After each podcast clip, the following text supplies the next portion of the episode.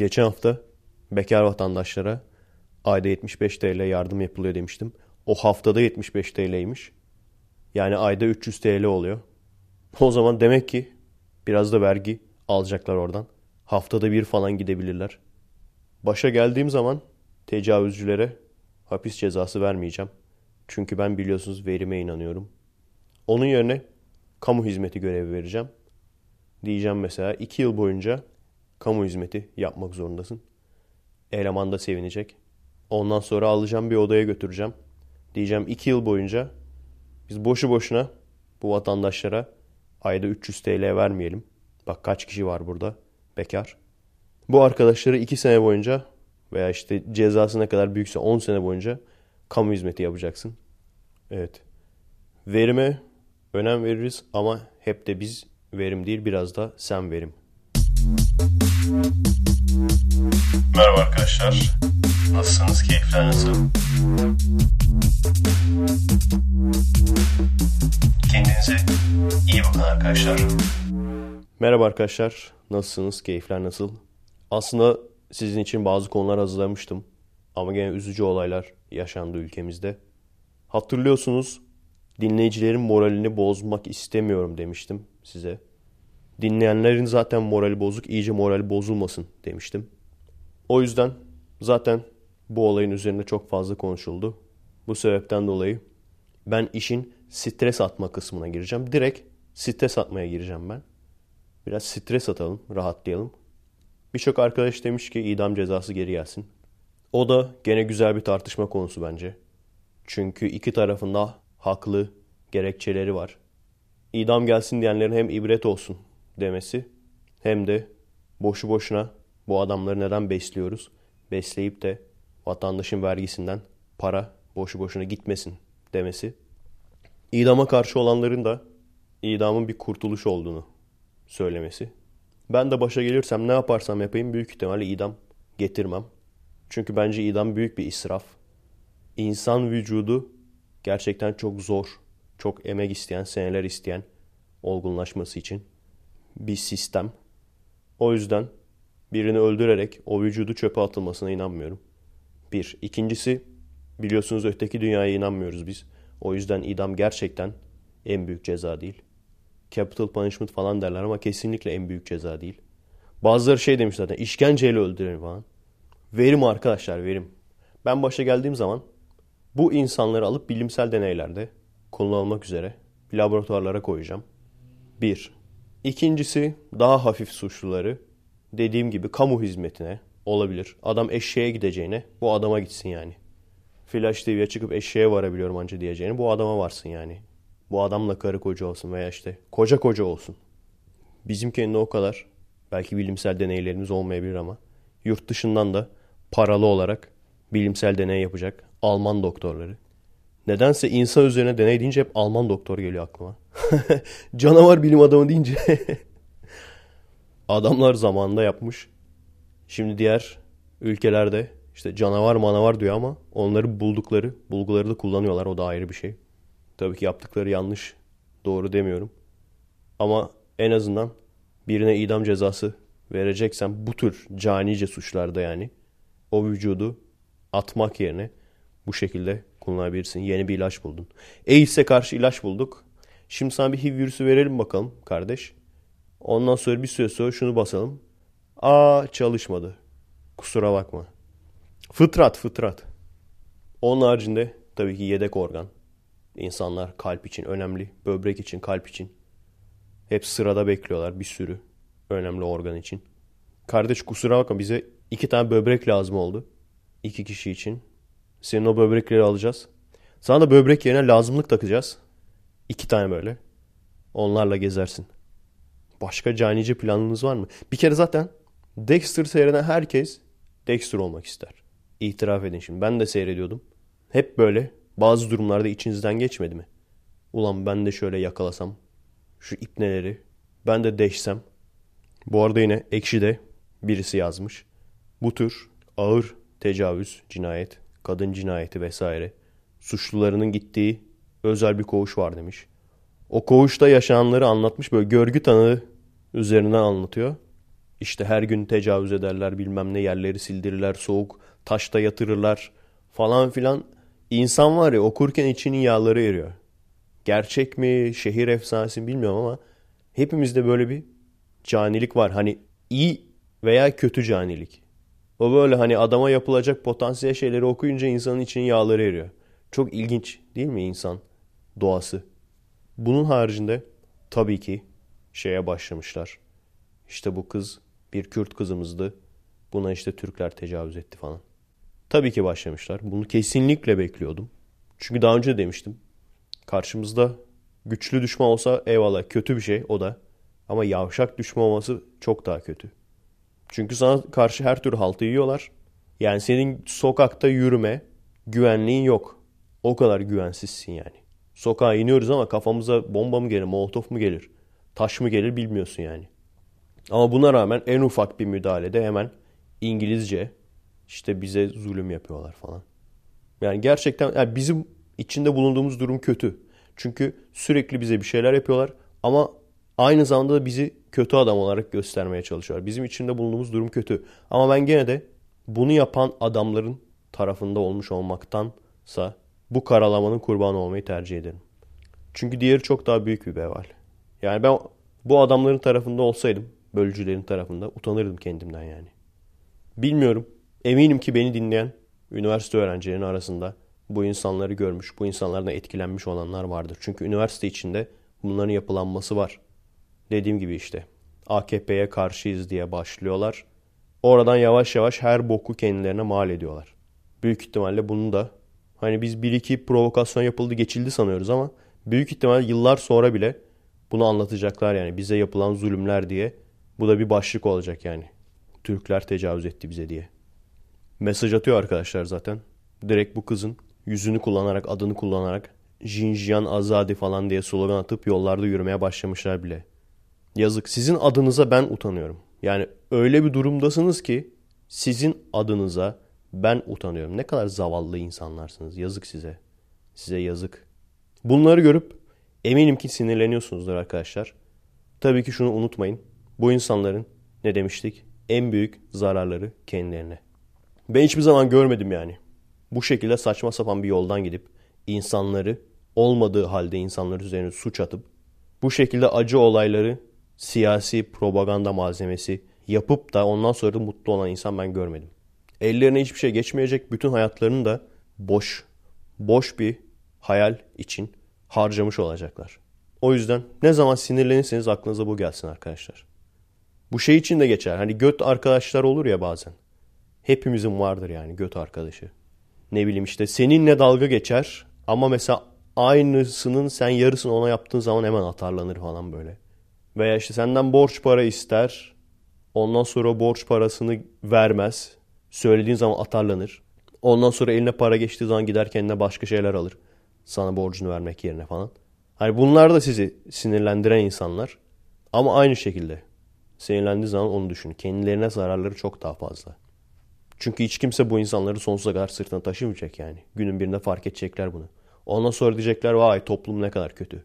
Ailem göt olmuş diyecekler. Alem mi göt acaba sen mi götsün? Diye sormak lazım bu arkadaşlara. Yani fark ediyorsunuz değil mi arkadaşlar? Ülkemiz o kadar boktan bir durumun içinde ki. Öyle boktan bir durumdayız ki. Yani ağzının tadıyla ölemiyorsun bile. Şu lafı üçüncü kere falan söylemişimdir ha. Soma'da kömürcüysen veya tecavüze uğrayan bir kızsan veya nasıl ölürsen öl ağzının tadıyla ölemiyorsun. Hemen çıkıyorlar. Bu bizim yoldaşımızdı bilmem ne Jinjian. Sağı solu taşlamaya başlıyorlar. Biliyorsunuz devrim artık değişti.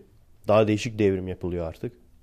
Eskiden biliyorsunuz devrim yapmak için sendikalar ele geçirilirdi. Ondan sonra basın ele geçirilirdi. Ondan sonra silahlı güçlerin bir kısmı ikna edilip ele geçirilirdi. Ondan sonra bütün bu endüstriyel güç, basının gücü, silahlı güç aynı anda harekete geçirilirdi. Ülke felç olurdu ve ondan sonra artık kim kimi ezebilirse. Şimdi değişti. Şimdi duvarlara sprey boyayla yazı yazarak devrim yapılıyor. Veya bekleniyor. Türkiye'de de aynı. Amerika'da da aynı. American Communist Party aynı. Zenci vuruluyor ondan sonra haydi sokaklara. Polis zencileri öldürüyor. Haydi zenci kardeşler. Bizde de ne olursa olsun mutlaka işin ucu azınlıklara, ırkçılığa dayandırılıyor.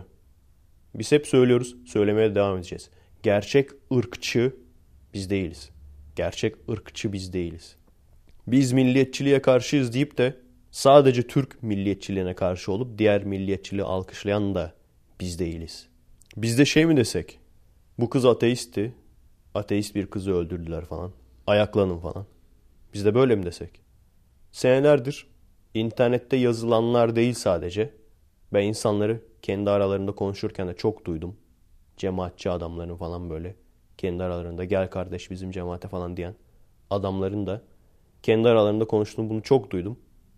Allahsız olan adam her türlü sapıklığı, pisliği yapar. Allah korkusu olan adam bunları yapmaz.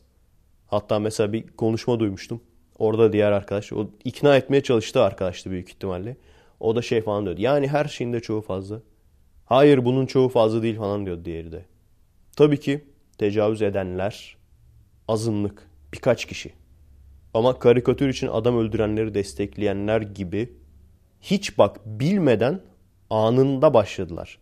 O da o şekilde giyinmeseymiş. Tarrak kafalı nereden biliyorsun lan? Yani öyle bir haber mi okudun? Mini şortla gezen kız tecavüzü öyle bir haber mi okudun? Hayır okumadın. Tecavüz haberini okudun ve anında bu cevabı verdin değil mi? Bir seyircim daha yazmış.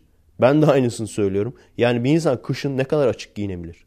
Allah'ın kış soğuğunda ne kadar açık giyinebilir bir kız yani.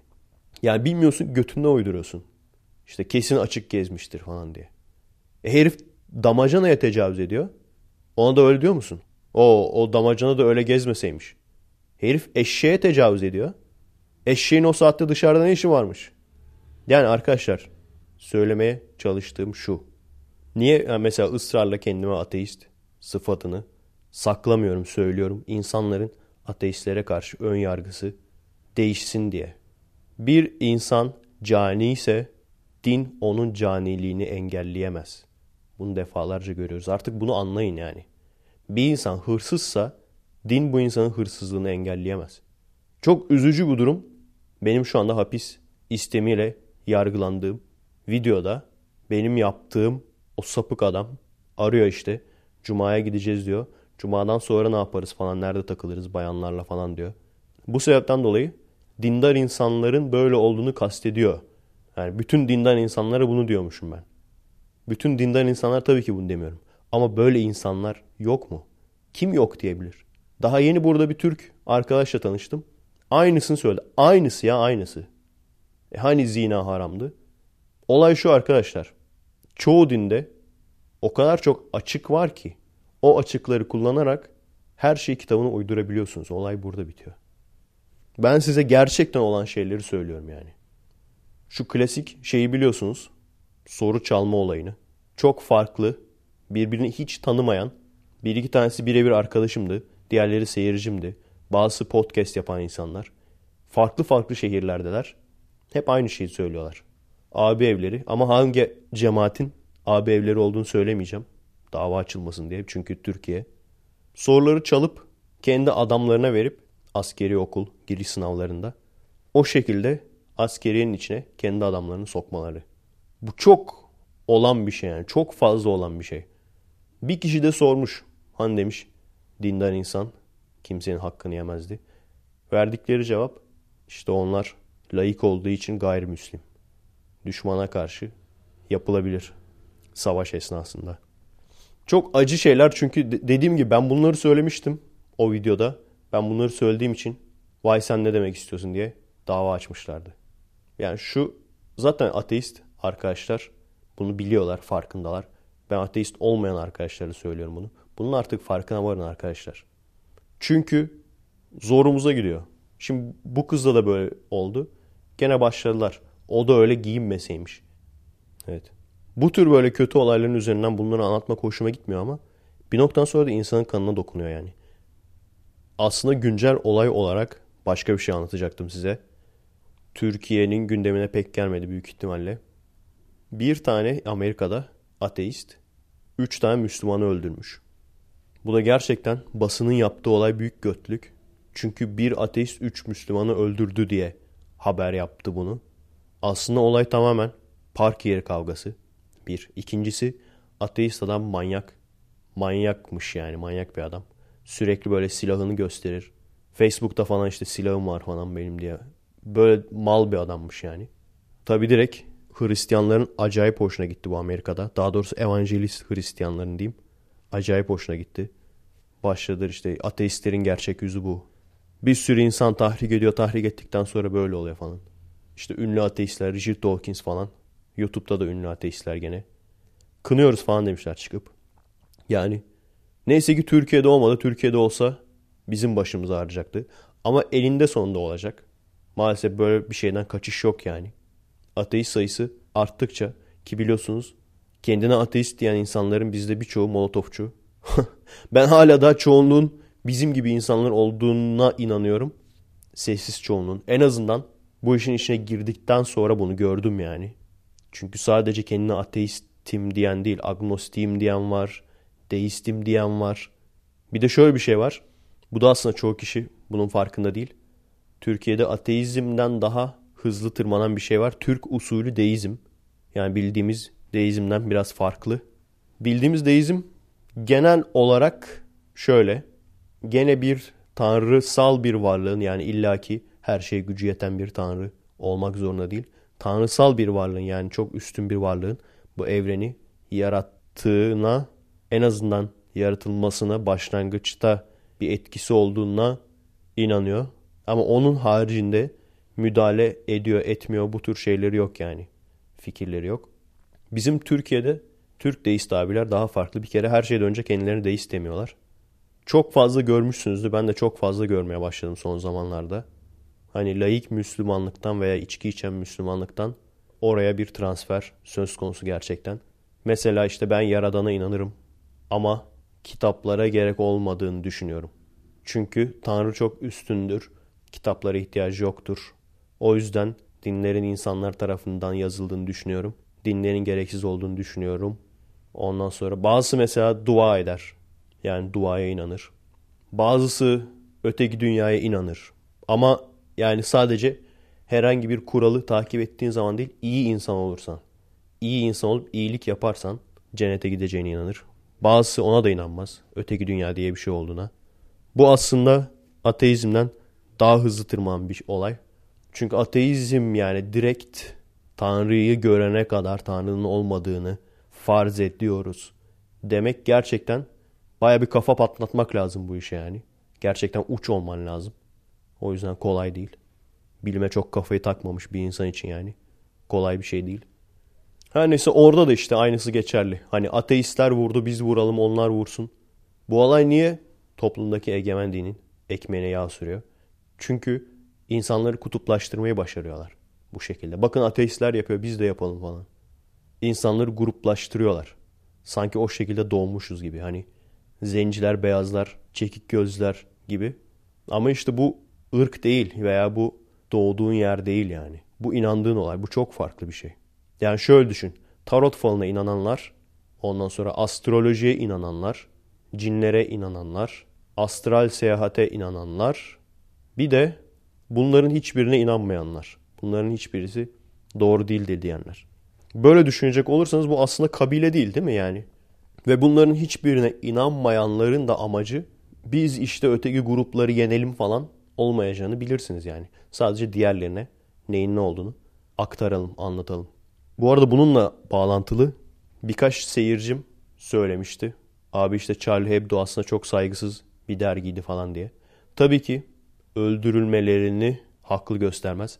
Ben de biliyorum yani arkadaşlar. Ben de bakmıştım karikatürlerini. Yani biz evet dinlere karşıyız ama tutmamız gereken yol bu olmamalı. Yani öyle ergen ateisti olayı bitsin artık yani. Hani tamamen ne bileyim sevmedikleri mesela bir şişman politikacı var. Onun şişmanlığıyla dalga geçmeler. Bir iki tane ırkçı karikatürleri varmış ama işte Fransız olursanız ırkçı değilmiş aslında. O yüzden onlara bir şey demiyorum.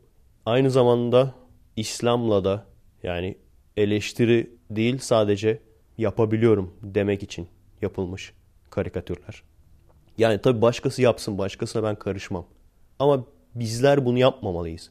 Bizler ahlak olarak üst seviyede olmalıyız. Örnek insanlar olmalıyız. Çünkü bizim farkımız biz işte dediğim gibi biz ve onlar olarak düşünen kişiler değiliz. Bizim tek bir rakibimiz var ülkemizde.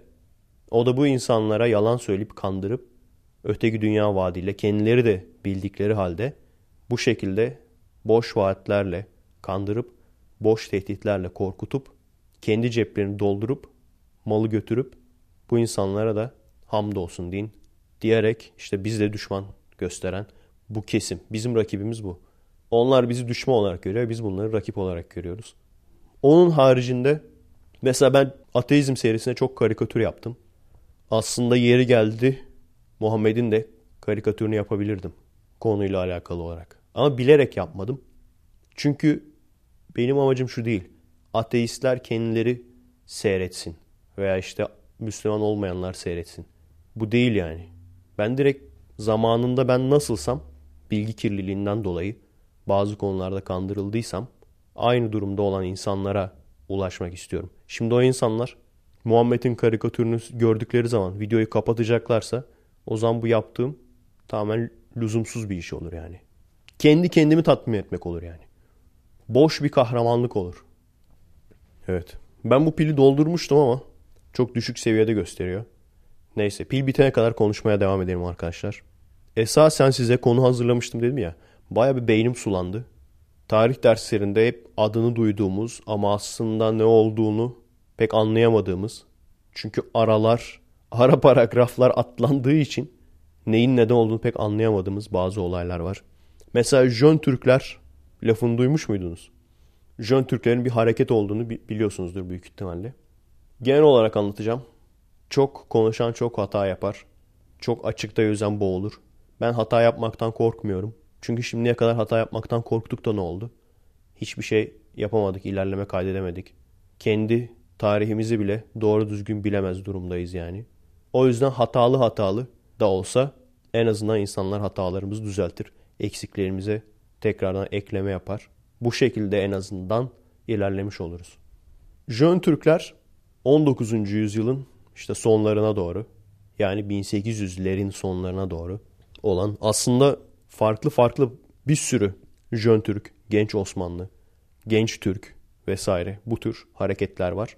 Padişaha karşı olan muhalif grup ve amaçları da genel olarak çünkü birçok grup var böyle. Bu bir hareketin adı yani. Genel olarak da cumhuriyet falan değil, meşrutiyet yani padişah da olsun ama yanında da bir meclis olsun düşüncesi. Jön Türkler veya genç Türkler ismi de aslında ilk bizden çıkan bir şey değil.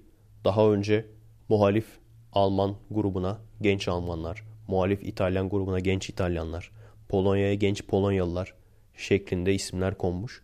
O yüzden Türklerden de aynen bu şekilde muhalif olanlara Jön Türkler veya genç Türkler hani yeni nesili temsil ediyor anlamında. Bu şekilde isim konmuş. Bu arkadaşlar Abdülhamit 2. Abdülhamit döneminde özellikle bayağı güç kazanıyorlar. İttihat ve Terakki duymuşsunuzdur. Cemiyeti kuruluyor. O da gene Jön Türk hareketine katılıyor. Ve çok özet olarak anlatıyorum tabii arkadaşlar.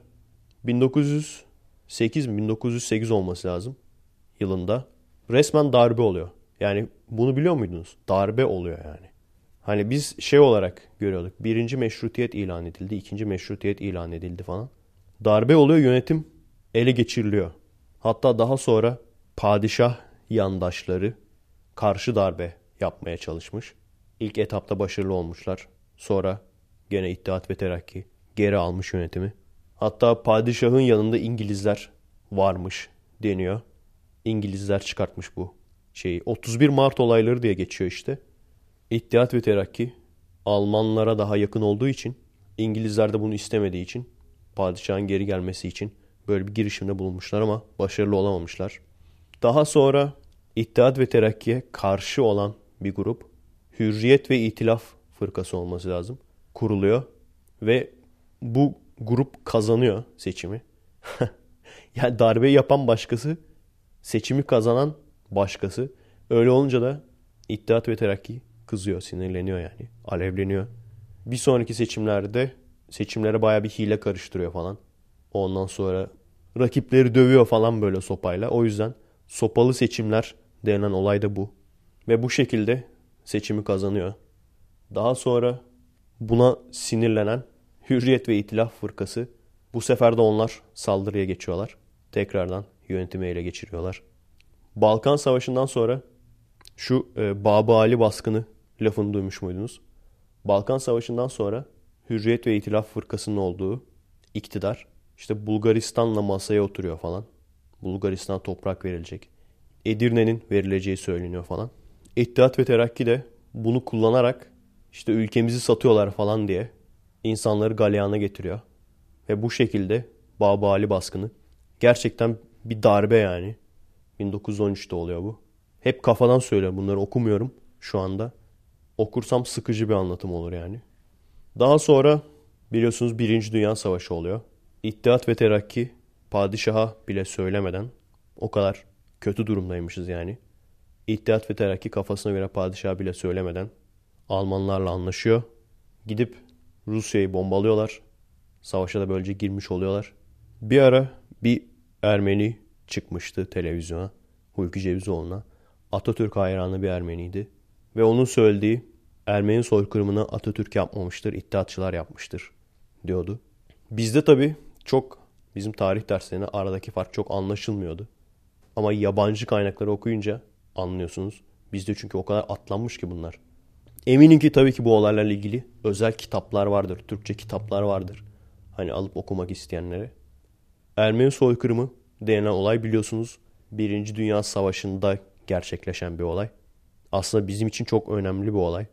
Onu da biraz daha anlayacaksınız neden önemli olduğunu. İlk etapta Ermenilerle Osmanlı'nın arası neden açılıyor? Osmanlı derken İttihat ve Terakki yani o şeyi yöneten, Osmanlı'yı o sırada yöneten grup araları niye açılıyor? Normalde Osmanlı'da şöyle bir şey var. Müslüman değilsen ikinci sınıf vatandaşsın. Ermeniler de çıkıp diyorlar ki Osmanlı ne diyor bunu ya? Biz de işte birinci sınıf vatandaş olacağız. Osmanlı'da fuck you bitch diyor. Sen kimsin diyor. Gayrimüslim olarak diyor sen kimsin diyor. evet tabi o zamanlar laik feminist CHP kadın kolları yok.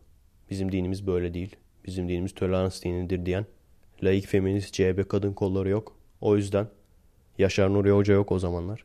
O yüzden bu şekilde bir gayrimüslimler ikinci sınıf vatandaş sınıfındalar. Ermenilerin de Avrupa'ya giden aydınları geri gelip bu şekilde işte biz de artık birinci sınıf vatandaş olacağız diye. Bazıları işte diyor ki bu insanlar yurt dışında eğitildiler Ermenileri provoke etmek için. Hepsi doğru olabilir. Ben sadece iddiaları anlatıyorum. Sonuçta gösteriler yapmaya başlıyorlar. Gösteriler yapınca bastırılıyorlar. Daha sonra Avrupa'dan yardım istiyorlar. Avrupa bunlara tamam geleceğiz diyor. Kimse yardım etmiyor bunlara. Öyle olunca iyice alevleniyorlar Ermeniler. Bu sefer Ruslar tarafında oluyorlar artık. Öyle olunca da özellikle Birinci Dünya Savaşı'nda yani Birinci Dünya Savaşı'na girmemizin ne kadar çok sonucu olmuş yani.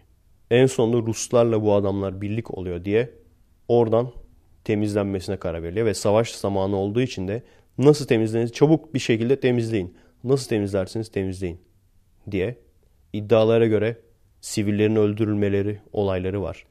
Daha sonra sürülme olayında ama mesela yürüyerek çöle sürüyorlar falan. Hani ölecekleri besbelli ama sadece oradan gitsinler diye. Bu tür olaylar var. Sonuçta Murat Bardakçı'nın Talat Paşa'nın karısından arşivleri aldığı söyleniyor. Ve bu arşivlerde bir senede mesela 1 milyon 200 bin Ermeni gözüküyorsa bir sonraki sene 200 bin Ermeni gözüküyormuş deniyor. Sonuç itibariyle kaçan giden Ermeniler, dağılan Ermeniler diasporayı oluşturuyor Ermeni diasporalarını. Ta seneler sonra Asala terör örgütünü kuruyorlar. Söylenene göre bu örgütün bazıları bu soykırımdan sağ çıkanlar, kurtulanlar, bazıları da onların çocukları ve alakasız rastgele insanları öldürmeye başlıyorlar. Amaçları da işte atların duyurmak, seslerini duyurmak. Hani ne istiyorsun diye bakıyorsun. İstedikleri öyle bir harita var ki anasının nikahını istiyorlar yani. Hani sanıyorsun ki Kars'ın bir kısmını falan istiyor. Adam Trabzon'a kadar istiyor ya. Asala. Trabzon'a kadar istiyor. Diyor ki bu bizim hakkımız. Oldu istersen biraz da İngiltere verelim sana. Biraz da Kanada verelim. Yani sonuç itibariyle daha sonra biliyorsunuz Ermeni çeteleri olayları var. Gene işte bize soykırım yapıldı deyip Kurtuluş Savaşı'nda gene bize karşı savaşıyor Ermeniler. Yani olay şu. Bu bir kan davası. Şiddet şiddeti doğuruyor. Bunu hep görüyoruz. Şu anda herhalde Ermenilerin herhangi bir sorun Türkiye'de sorun yaşadığını sanmıyorum. Ermeni oldukları için. Son zamanlarda bu tekrardan gündeme geldi. Bunun sebebi de tamamen bizim güçsüz olmamız. Yani bu bir kan davası. İki taraf da haksız. Çünkü şiddeti şiddetle çözemezsin. Yani mesela bayağı Ermeni soykırımı ile ilgili gazete küpürleri falan var işte şu anda Türkler Ermenileri sistematik olarak bitirmeye çalışıyorlar. Yardım edin falan diye Amerika'da gazete, gazetelerde manşetler falan var. Hatta işte e, Survivor'lara, soykırımdan kurtulanlara yardım fonu falan açmışlar falan filan. Bir kısmını kurtarabilmişler. Yani neyin ne kadar doğru olduğunu dediğim gibi tarihçiler konuşsunlar. Onların iddiasına göre mallarına el konmuş. Şu anda varsa öyle bir mal veya mülk verilir. Ama onun haricinde de maalesef biliyorum Ermeni lobisi beni dinliyorsun. Beni takip ediyorsun biliyorum. maalesef yapacak başka bir şey yok yani. Yani bizden toprak istemeler, işte para istemeler bilmem ne. Bu tamamen bizim güçsüzlüğümüzden kaynaklanıyor. Bu gibi durumlarda, bu gibi kan davası durumlarında kimin haklı olduğu değil, kimin güçlü olduğu önemli. Şu anda göt kadar adamlar öyle bir lobicilik yapıyorlar ki biz de böyle ağzımız açık bakıyoruz yani. Hala da ağzımız açık bakıyoruz. Tabi bahsedilmeyen şöyle bir şey var. Şeylerin yani. Pamuk Reis'in ben bahsettiğini görmedim bunu. Pamuk Reis hep konuşurdu Ermeni soykırımı ile ilgili. Sadece Türkler değil, hatta belki de daha çok Kürtler, Kürt çeteler soykırımı gerçekleştirenler. O zamanlar tabi din kardeşliği olduğu için Türk-Kürt o kadar fark etmiyor. Tabi şu anda Kürt dersek faşizm olur o yüzden onları söylemeyelim. Yani herkes herkes hakkında konuşur. Biz güçsüz olduğumuz için biz dayak da yeriz. Bize terör eylemi de yapılır. Üstüne de katil denilir. Yani ben doğdum 30 sene geçti. Öldürmediğim millet kalmamış yani. Öldürmediğim millet kalmadı. Herkesi öldürmüşüm. Ben hiç hatırlamıyorum kimseyi öldürdüm. Siz hatırlıyor musunuz? Yani maalesef bir süre sonra herkes herkese bunları yapıyor.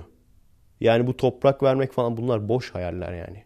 Amerikalılar versin Kızılderililer topraklarını geri. Gitsinler gerisin geri Avrupa'ya. Güney Afrika'yı kolonileştiren Avrupalılar geri gitsin. Avustralya'ya koloni yollayanlar geri gitsinler. Aborjinlere bıraksınlar. Ya maalesef böyle bir dünya yok yani. Herkes tuttuğunu öpüyor. Öpmüş yani zamanında. Şu an biraz daha az öpülmeye çalışılıyor. Biraz daha insan olmaya çalışıyoruz. Ayrıca sınırlar kalksın diyen siz değil miydiniz abi? Yani mesela Retek falan öyle demiyor muydu? Sınırların kalktığı bir dünya istiyoruz falan sınırlar olmasın. Çok güzel bir düşünce. Benim ömrüm büyük ihtimalle yetmeyecek ama belki insanlık öyle bir ilerleyecek ki bu milliyetçilik olsun. Sınırlarımızı korumalıyız olsun vesaire. Belki buna gerek kalmayacak. Ama şöyle bir şey var. Bunu diyen adam aynı zamanda çıkıp doğudaki halk kendi kaderini belirlemeli, kendi kendini yönetmeli diye gene bölüyorsun sen. Yani sınırlar kalksın ise o zaman bölücülük yapmaman lazım. Çünkü sınırların kalkması yani ileride çok ütopik bir yerdeyiz diyelim. Sınırlar kalktı. Birçok konuda çok güzel olur.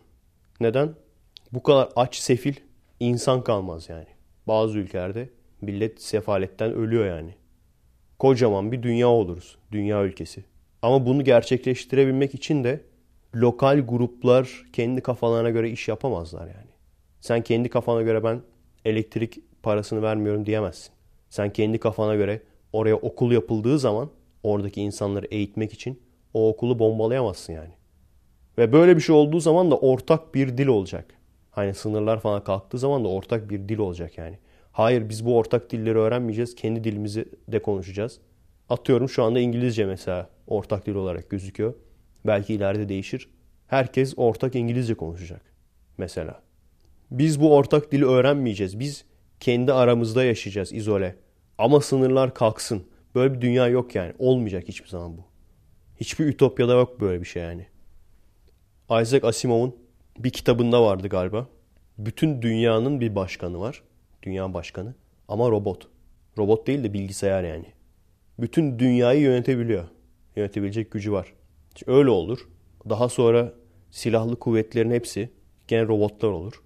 Tamamen işte aç gözlükten uzak, insani ihtiyaçlardan, insani hırslardan uzak ve tamamen hiçbir şekilde mesela silahlı güçler birbirleriyle de savaşmazlar.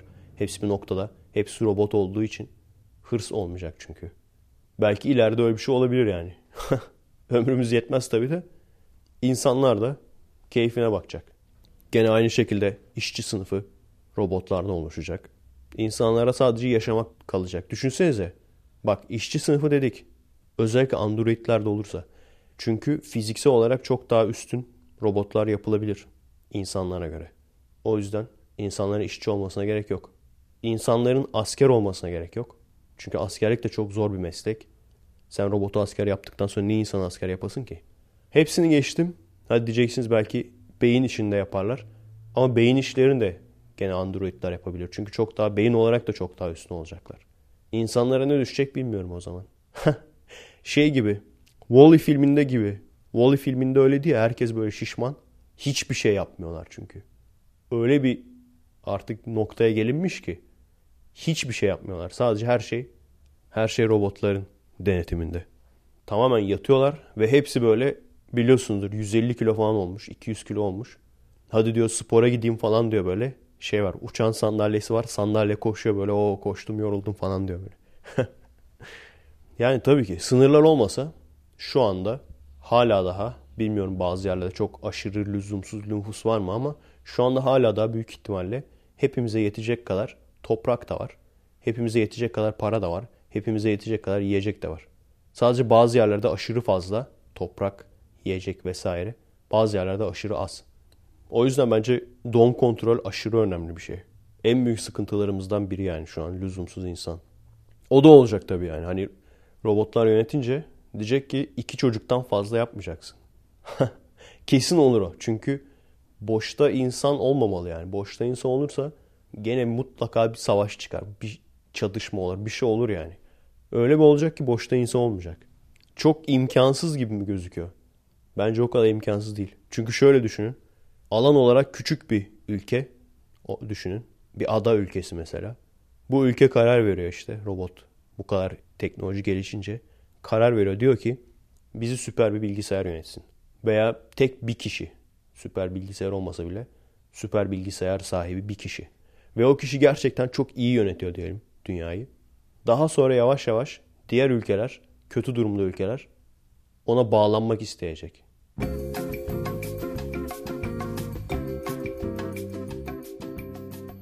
Evet salıdan merhaba arkadaşlar. Kaydın aniden bitmesinin sebebini büyük ihtimalle tahmin etmişsinizdir. Pil bitti bir anda. Hatta bir süre daha kendi kendime konuşmuşum. Ondan sonra bir baktım.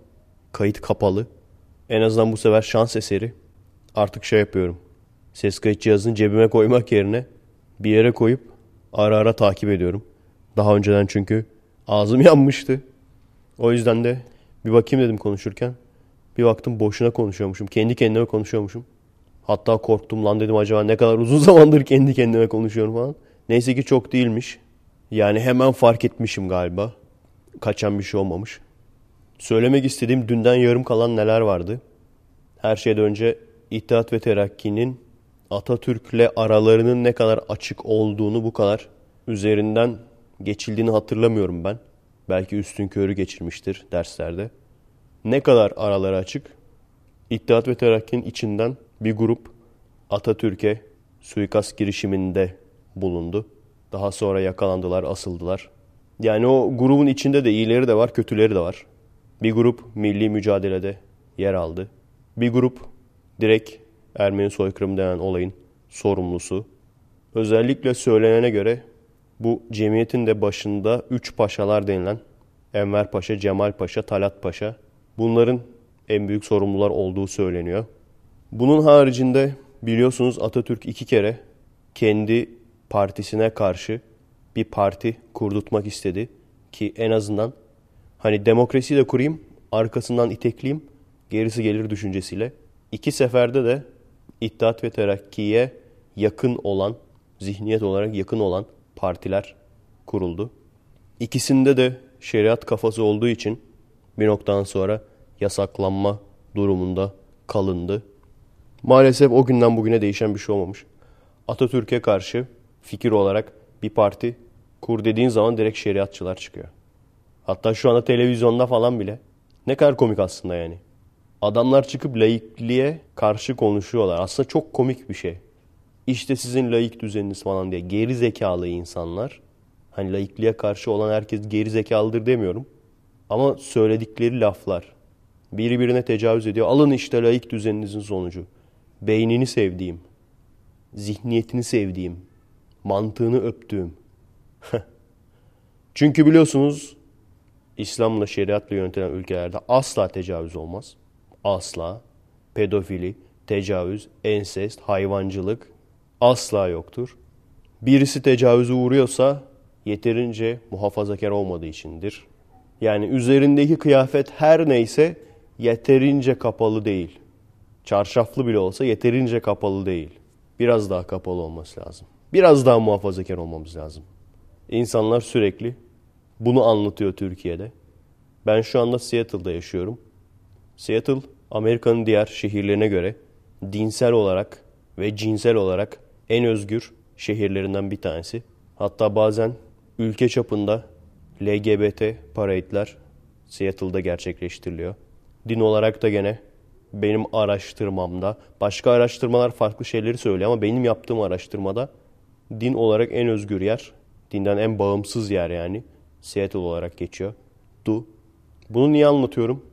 Burada gördüklerimi paylaşmak için. Daha önce de anlatmıştım hatırlıyorsanız. Geceleri bayan otobüs şoförü görmek gayet doğal burada. Aynı şekilde insanlar istediği kıyafetle gezebiliyorlar. Romanya'da da bu farkı görmüştüm. Ki Romanya aslında çingenelerin olduğu ve bizdeki kadar sayı çok olmasa da gene rahatsızlık verici insanların olduğu bir yer. Seattle'da ise homeless'lar var. Tedirginlik verici ama öyle gelip de rahatsızlık verecek şeyler yaptıklarını henüz görmedim. Daha önce demiştim kavga türü şeyler görmedim fazla. Yani söz kavgası çok az gördüm. Normal kavga hiç görmedim. Ha bu arada tecavüz oranı da bütün bunlara rağmen diğer şehirlere göre düşük bir yer. Bunları neden anlatıyorum? Hani hep insanlar sorup duruyor ya. Niye hala daha tecavüz oluyor bizde? Bak o kadar muhafazakarız. Biraz daha mı kapansak? Biraz daha mı kapansak? Fuck it gazetesi başlamış gene. İşte karma eğitimin sonucu bu falan diye. Sorun, iyi dinleyin. Sorun insanların yeterince, toplumun yeterince muhafazakar olmaması değil. Sorun senin hayvan olman. Bu kadar basit. Bunun dinle, inle, cinle hiçbir alakası yok. Sen hayvansın. Sen hayvansın. Sen hayvan olduğun için tecavüz ediyorsun. Ve bu 3-5 tecavüzcüden bahsetmiyorum sadece. Bir de biliyorsunuz suç ortakları var tecavüz çetesinin. Twitter tecavüzcüleri var. Facebook tecavüzcüleri var. Kendi suç ortaklarına tecavüz örgütü arkadaşlarına Twitter'dan destek veren. İşte o da öyle giyinmeseymiş. O saatte ne işi varmış. Yani diyor ki bunu yaparsanız biz de size bunu yaparız. Damacanaya tecavüz ediyor adam. Damacanın da kapağı olsaymış ne yapalım? Kapaksız gezmeseymiş. Eşeğe tecavüz ediyor. Eşek de giyinseymiş. Çarşafla gezseymiş. Dediğim gibi biri gelsin açıklasın. Burada neden herkes istediği gibi gezdiği halde tecavüz bu kadar az? Açıklayın. Ben size söyledim işte açıklamasını yaptım. Çünkü sen hayvansın sen. Sen hayvansın. Evet yarım kalan, dünden yarım kalan laflarımdan bir tanesi de Mondros'la Sevr'i de anlatacaktım. Bize neden böyle ağır şartları olan antlaşmalar imzalatmışlar. Mondros bizim Birinci Dünya Savaşı'nda havlu attığımızı gösteren bir ateşkestir. Oradaki şartlar biliyorsunuz gerekli görüldüğü halde Anadolu işgal edilebilir vesaire. Bu ağır şartların birçoğu yine Ermeni soykırımına dayandırılır. Hatta o şartların birçoğu işte bunun sorumluları bulunup idam edilmeli vesaire ve gerçekten de bazı sorumluları bulunup idam edilmiş. Bazıları kaçmış. Onun haricinde Sevr anlaşması da bütün ittifak güçleriyle yapılan bir antlaşma. O da Birinci Dünya Savaşı'nı tamamen bitirecek bir antlaşma.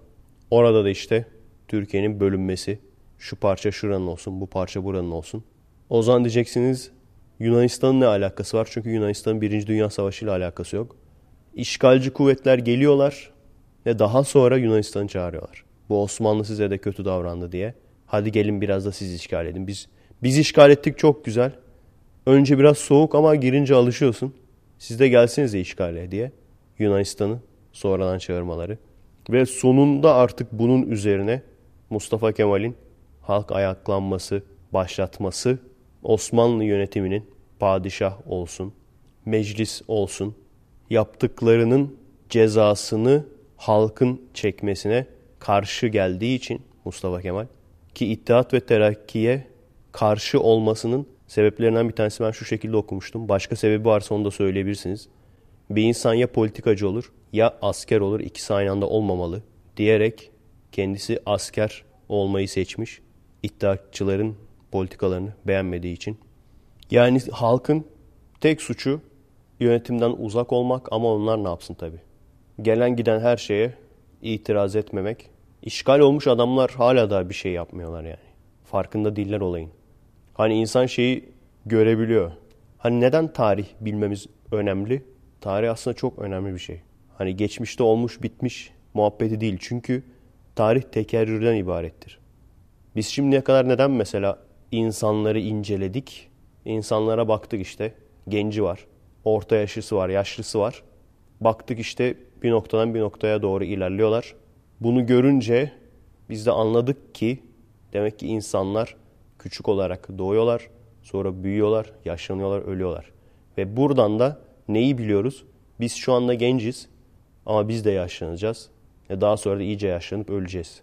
Bunu biliyoruz. Çok komik, çok basit bir şeymiş gibi geliyor değil mi? Ama tarih de böyle işte. Birebir aynı sebepler, yaşanmış aynı olaylar. Bunu gördüğümüz zaman hangi sebeplerin hangi sonuçları doğurabileceğini aşağı yukarı bilebiliyoruz. O yüzden bazı insanlar tarihi çarpıtmaya çalışıyor. Hani aslında dalga geçiyoruz ya yeni Osmanlı gelecek, Osmanlı geri gelecek falan diyenlerle. Aslında bir bakıma da adamlar haklı yani doğru. Osmanlı'nın yıkılmadan önceki durumunu düşünecek olursanız gerçekten de aslında adamlar haksız değil yani. Söylemeyi unuttuğum şeylerden bir tanesi de Jön Türklerin devrim yapabilecek noktaya nasıl geldiği. Herhangi bir silahlı güçten ziyade fikirle yani birçoğu yurt dışına gidiyor ve oradan dergiler çıkartıyorlar. Gazeteler çıkartıyorlar. Ve hiçbir şeyden haberi olmayan halkı yavaş yavaş aydınlatıyorlar. Yani gördüğünüz gibi ilk etapta iyi bir şekilde başlıyor. İlerici işte padişahlığa, monarşiye karşı falan. Ondan sonra gücü eline geçirdikten sonra belli grupların özellikle daha fazla güç sahibi olmasıyla bu sefer onların diktatörlüğüne dönüyor yani olay. Jön Türk sayılabilecek ünlülerden kimler var? Tunalı Hilmi'yi biliyorsunuzdur isim olarak.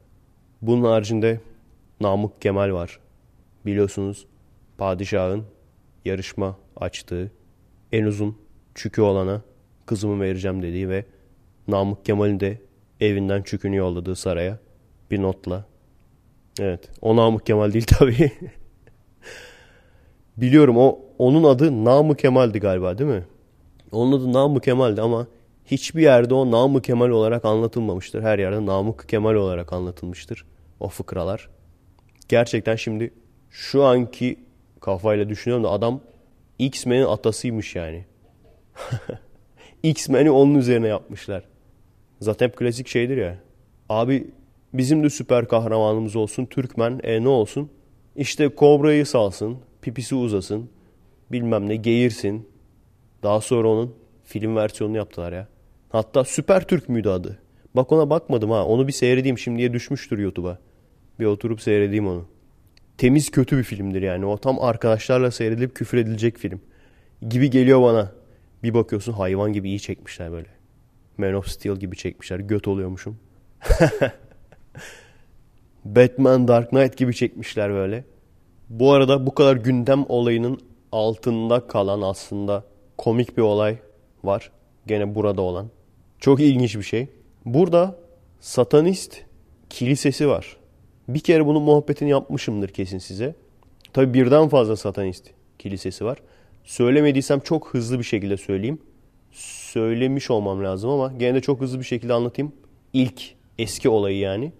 Adamlar, Hristiyanlar bir adliye sarayının önüne 10 emirin olduğu bir heykel dikiyorlar.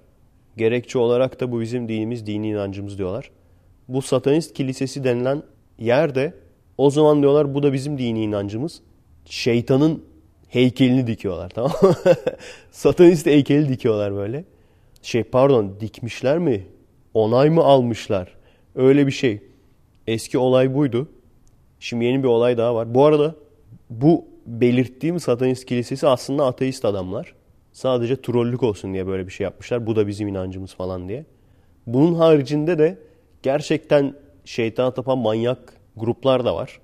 Yani her türlü çeşit insan var burada.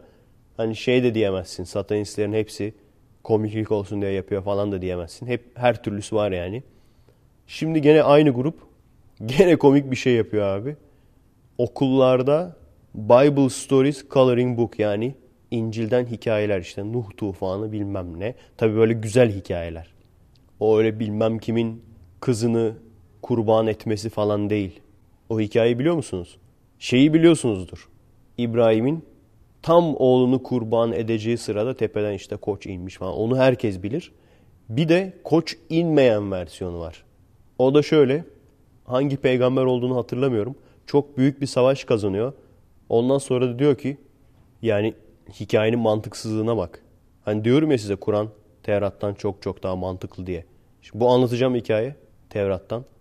Adam işte savaş kazanıyor ondan sonra diyor ki o kadar mutluyum ki diyor bunu kutlamak için diyor kapıdan giren ilk kişiyi kurban edeceğim diyor.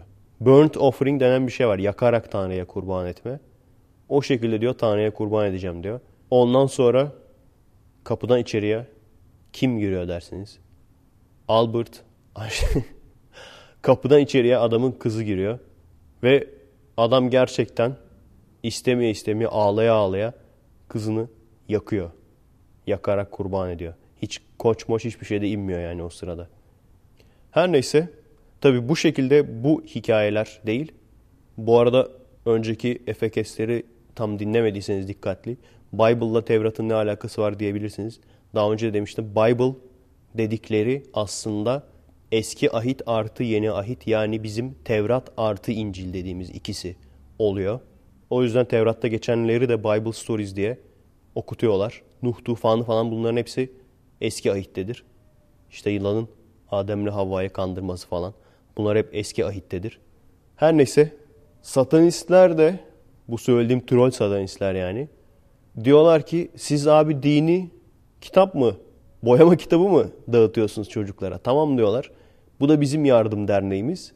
Satanist boyama kitabı dağıtıyorlar. Anaokul çocuklarına. Abi Türkiye'de böyle bir şey olduğunu düşünsene. Anaokul çocuklarına bedava diyorlar ki bu da bizim inancımız. Satanist boyama kitabı dağıtıyorlar. Öyle olunca da yapacak bir şey yok. Çifte standart yapamazsın çünkü. Bizden değilsen fuck you bitch diyemezsin yani. Burada öyle bir şey yok. Adama mantığını sorarlar işin. O yüzden toptan boyama kitabı olayını, boyama kitabı dağıtma olayını kaldırıyorlar. Görüyor musunuz arkadaşlar? Laiklik bu yüzden önemli. Çünkü laiklik, laik yönetim olduğu zaman işte bunu diyemiyorsun yani. Benim dinim doğru, benim dinimle ilgili ben mesela boyama kitabı dağıtabilirim. Veya işte Kur'an kursu açabilirim. Ama hadi bizde satanist kursu diye kurs aç. satanist kursu diye kurs açalım mı bizde? Ya onu geçtim bak hadi bu trollük. Bunu ciddi ciddi ateist kursu diye 6 yaşındaki çocuklara 5 yaşındaki çocuklara ateist kursu açıyoruz diye aç. Aslında az kaldı biliyor musun? Biraz daha zorlasak o da açılacak. Yani ateizm derneği falan kuruldu. Veya işte çocuklara ateist boyama kitabı falan. Evrim teorisini falan anlatan böyle. Olur ya böyle evrimleşem. En arkada maymun var sonra gittikçe insana benziyor falan. Hadi şimdi bunu boyuyoruz çocuklar. O yüzden yani ifade özgürlüğü, düşünce özgürlüğü, laik yönetim olduğu için ateizm tırmanıyor. Burada, Amerika'da.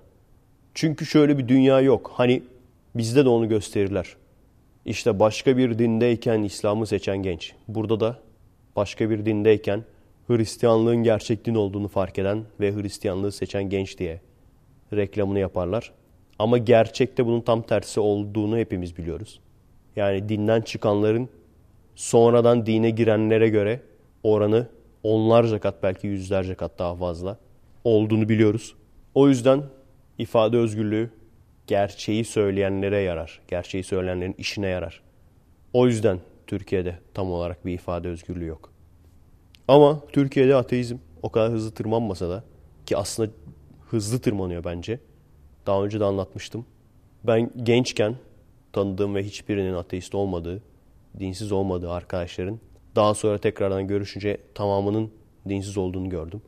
Ama bizde daha hızlı, ondan daha hızlı, daha, daha önce demiştim ya, Türk usulü deizm tırmanıyor. Yani her halükarda insanlar yavaş yavaş bazı şeylerin adım adım da olsa farkına varıyorlar. Bu da tabii sevindirici bir olay. Bugünlük bir konu daha var. Onu da konuşayım. Belki bir saati doldururuz. Doldurmazsak yarın devam ederim. Burada yapılan aşı karşıtlığı. Bize henüz gelmedi galiba. Bir saçmalık Amerika'da başlayınca Türkiye'ye daha sonra geliyor. Ve aşı karşıtlığı öyle bir boyuta gelmiş ki zamanında kızamık bitmiş. Bitmiş durumdaymış yani. Kızamık diye bir şey yokmuş Amerika'da. Ve insanların aşı karşıtlığı yüzünden, çocuklarını aşılatmaması yüzünden kızamık tekrardan hortlamış. Bu kadar önemli bir olay yani. Benim hani birçok olayı dincilerin karşı olduğu sırf dinlerinden dolayı başka hiçbir mantıklı açıklaması olmadan karşı olduğu birçok şeyin sebebini anlayabiliyorum. Geylere karşı olmasını anlatmıştım. Çünkü bir tanrının hem kutsal kitabına geylerden nefret etmesi hem de insanları gay olarak yaratması mantıklı değil. O yüzden de işlerini bozuyor adamların bu olay. O yüzden de geylik doğuştan değildir, tercihtir falan diyorlar. Bunun haricinde üremelerini yavaşlatacak her şeye yani çocuk aldırmadan tut prezervatife kadar her şeye karşı olmaları. Bunların sebebini anlayabiliyorum. Ama bazı şeylerin sebebini anlayamıyorum. Aşı karşıtlığı mesela. Veya oort bulutuna karşılar. Ulan yani oort bulutuna karşı olmanın mantığı ne? Neden sana ters yani oort bulutu? Dinciler oort bulutuna karşı. Neden bilmiyorum abi. Var çıkabilir, yok çıkabilir. Şu anda büyük ihtimalle var deniyor oort bulutu. Güneş sistemini kaplayan. Ama yok da çıkabilir ama bunun dinle ne alakası var? Ciddi ciddi mesela videolarda yorumları okuyorum işte. Ateistlerin uydurduğu saçmalık falan diyor. Lan ne alaka? Bu aşı karşıtlığını da anlayamıyorum işte. Neden abi neden yani? İlk etapta şöyle bir olay varmış. Aşının otizme sebep olması diye bir doktor bir bilimsel makale yayınlamış ama bu onlarca yıl önce yani. Sonradan ama herif yakalanmış. Tamamen uydurma verilerle bilimsel olmayan bir şekilde yapılmış bir çalışma bir.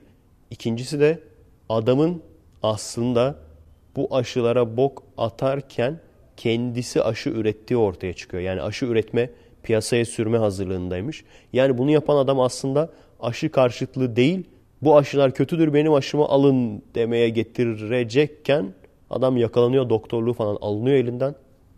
Yanlış ülkede doğmuşsun, yanlış ülkede doğmuşsun abi. yani maalesef arkadaşlar bilim demokrasi dinlemiyor. Bilimin ne olduğunu anlayamadığı için insanlar bilim maalesef demokrasi dinlemiyor.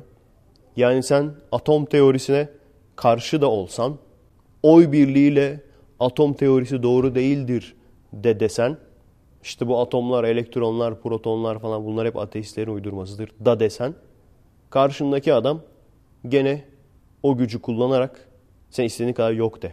Atom bombasını da yapar.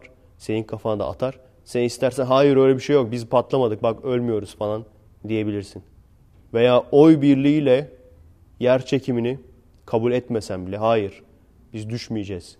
İstersen deneyelim. Oy birliğiyle binadan atlasak aşağıya düşmeyizi kararlaştıralım. Ondan sonra atlayalım bakalım düşüyor muyuz? Gerçekler, bilim gerçektir. Gerçeklerin demokrasiyle bir alakası yoktur yani. Kimin daha çok neye inandığıyla bir alakası yoktur. Yani dünya eskiden düzdü sonra yuvarlak olmadı. Öyle diyeyim. Veya dinozor fosilleri önceden yoktu sonradan bir anda ortaya çıkmadı yani. Onlar hep vardı. Sadece kabul edilmesi, varlığının kabul edilmesi uzun sürdü. Aynı şekilde evrim de. Sen istersen evrimleşme diye bir şey yok.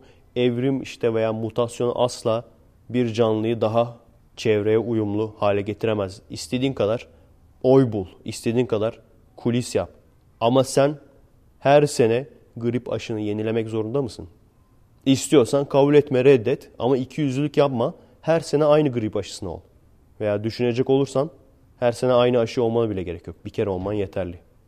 Ondan sonra ileride o aşının seni tekrardan koruyacağını um.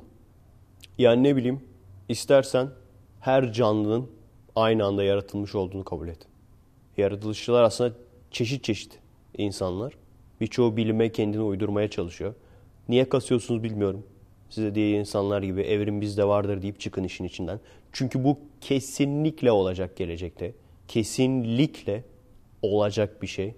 Evrim bizde vardı. Zaten biliyorsunuz yarı yarıya artık demeye başladı insanlar.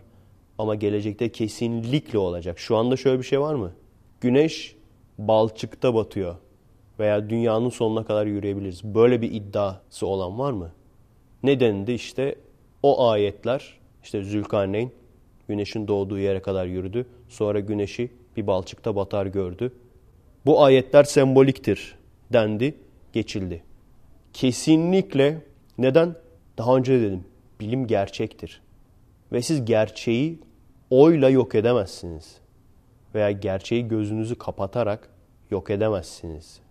Bizdeki muhafazakar, iyice muhafazakar kezimin iddia ettiği artı Hristiyanlardaki birçok muhafazakarın iddia ettiği dünyanın 6000 veya 7000 yaşında olmuş olmak zorunda olması istediğiniz kadar gözünüzü kapatmaya çalışın. Bu gerçek günün birinde buna inanmak zorunda kalacaksınız. Bunu kabul etmek zorunda kalacaksınız yani. Çünkü nereye dönerseniz dönün on binlerce yıldan bahsedilir. Yüz binlerce yıldan, milyonlarca yıldan bahsedilir. Tektonik plakaların hareketinden tut, milyonlarca ışık yılı uzaklıktaki galaksilere kadar nereye dönersen dön. Hiçbir şansın yok yani. Veya eski yaşamış insan kabilelerinden tut, eski ilkel insanların araçlarına, gereçlerine kadar. Nereden tutarsan tut elinde kalır yani. Hani çoğu insan şey sanıyor. Bir iki tane bilim dalına saldırırsak sorun çözülecek sanıyor. İşte radyokarbon tekniği de çok sağlıklı değil. Bir iki tane olay değil ki. Tekrar söylüyorum. Nereden tutarsan tut elinde kalır. Kaya katmanlarına bak. Kanyonların katmanlarına bak. Yani hiç şansın yok. 4.6 milyar yaşında olan bir gezegeni 6 bin yaşında veya 7 bin yaşında göstermek hiçbir şansın yok yani o konuda. O yüzden sen de şu an yeni çıkmış olan o aslında bin derken başka bir şeyi kastediyordu. O aslında işte 6 bin yıl bize göre 6 bin yıl falan. Sembolik 6 bin yıl falan. Sen de bunu diyenler kervanına katılmak zorunda kalacaksın bir gün. Hiç şansın yok yani. Evet arkadaşlar. Dinlediğiniz için teşekkürler. Bugünlük bu kadar. Eğer yarın devam etmeyecek olursak adresimiz youtube.com bölü kommek, twitter.com bölü kommek, destek olmak isteyenler için patreon.com bölü Efe Aydal. Ha bu arada bilgisayar çıldıracağım. Neden ateizm serisi bu kadar geç kaldı abi falan diye soruyorsanız eğer bilgisayardan arkadaşlar aşırı yavaş beni delirtiyor. 300-500 dolara da tırto bir bir şey almak istemiyorum yani. Cep telefonu gibi değil ne güzel. 200 dolara cep telefonu aldım 10 numara. Sakız parasına cep telefonu var buralarda. Ama maalesef bilgisayarlar öyle değil. Özellikle ben hani cep telefonu için ben oyun oynamasam da olur. İşte iyi kötü fotoğraf çeksin, kameraya alsın, bilmem ne, Facebook'a gireyim falan diyordum ama bilgisayar için onu da diyemem yani. Neden mesela astronomi serisinden falan daha da yavaş? Çünkü astronomi serisinde kaliteyi beğenmedim. Çok uğraştık ama gene de görüntü olarak gene de amatör olmuş biraz. Bu sefer artık iyice prof olsun istiyorum. O crash course'lara falan baktım. Adamlar neler yapmışlar. Böyle ince detaylarına kadar işte scan lines koymuşlar, vignette koymuşlar bilmem ne. Color grading yapmışlar falan. O artı o görüntülerin de hani resim falan koyuyordum ya astronomi serisinde. Onların falan da geçişleri de böyle profesyonel olsun, güzel gözüksün diye onları da Sony Vegas'ta değil After Effects'te yapıyorum falan. İyice çıldıracağım yani. bir kere preview çok yavaş. İkincisi zaten parçalara böldüm. Yani parçalara böldüğüm halde çok yavaş. 4 dakika 5 dakikalık parçalara böldüm. Başka türlü olacak gibi değil. Onun haricinde de 10 dakikada bir falan kitleniyor. Yani 10 dakika 10 dakika ilerliyoruz. o yüzden yani. Her neyse arkadaşlar. Zaten dediğim gibi zaten paylaşım yapıyorsunuz. Biraz daha paylaşırsınız. Onun haricinde zaten yapacak bir şeyiniz yok. Dua edin Firavun'a. Tontona dua edin. Kendinize iyi bakın arkadaşlar. Evet bakalım asansör müziği mi yoksa kapanış müziği mi? 3, 2, 1, gir. Merhaba arkadaşlar. Nasılsınız? Keyifler nasıl?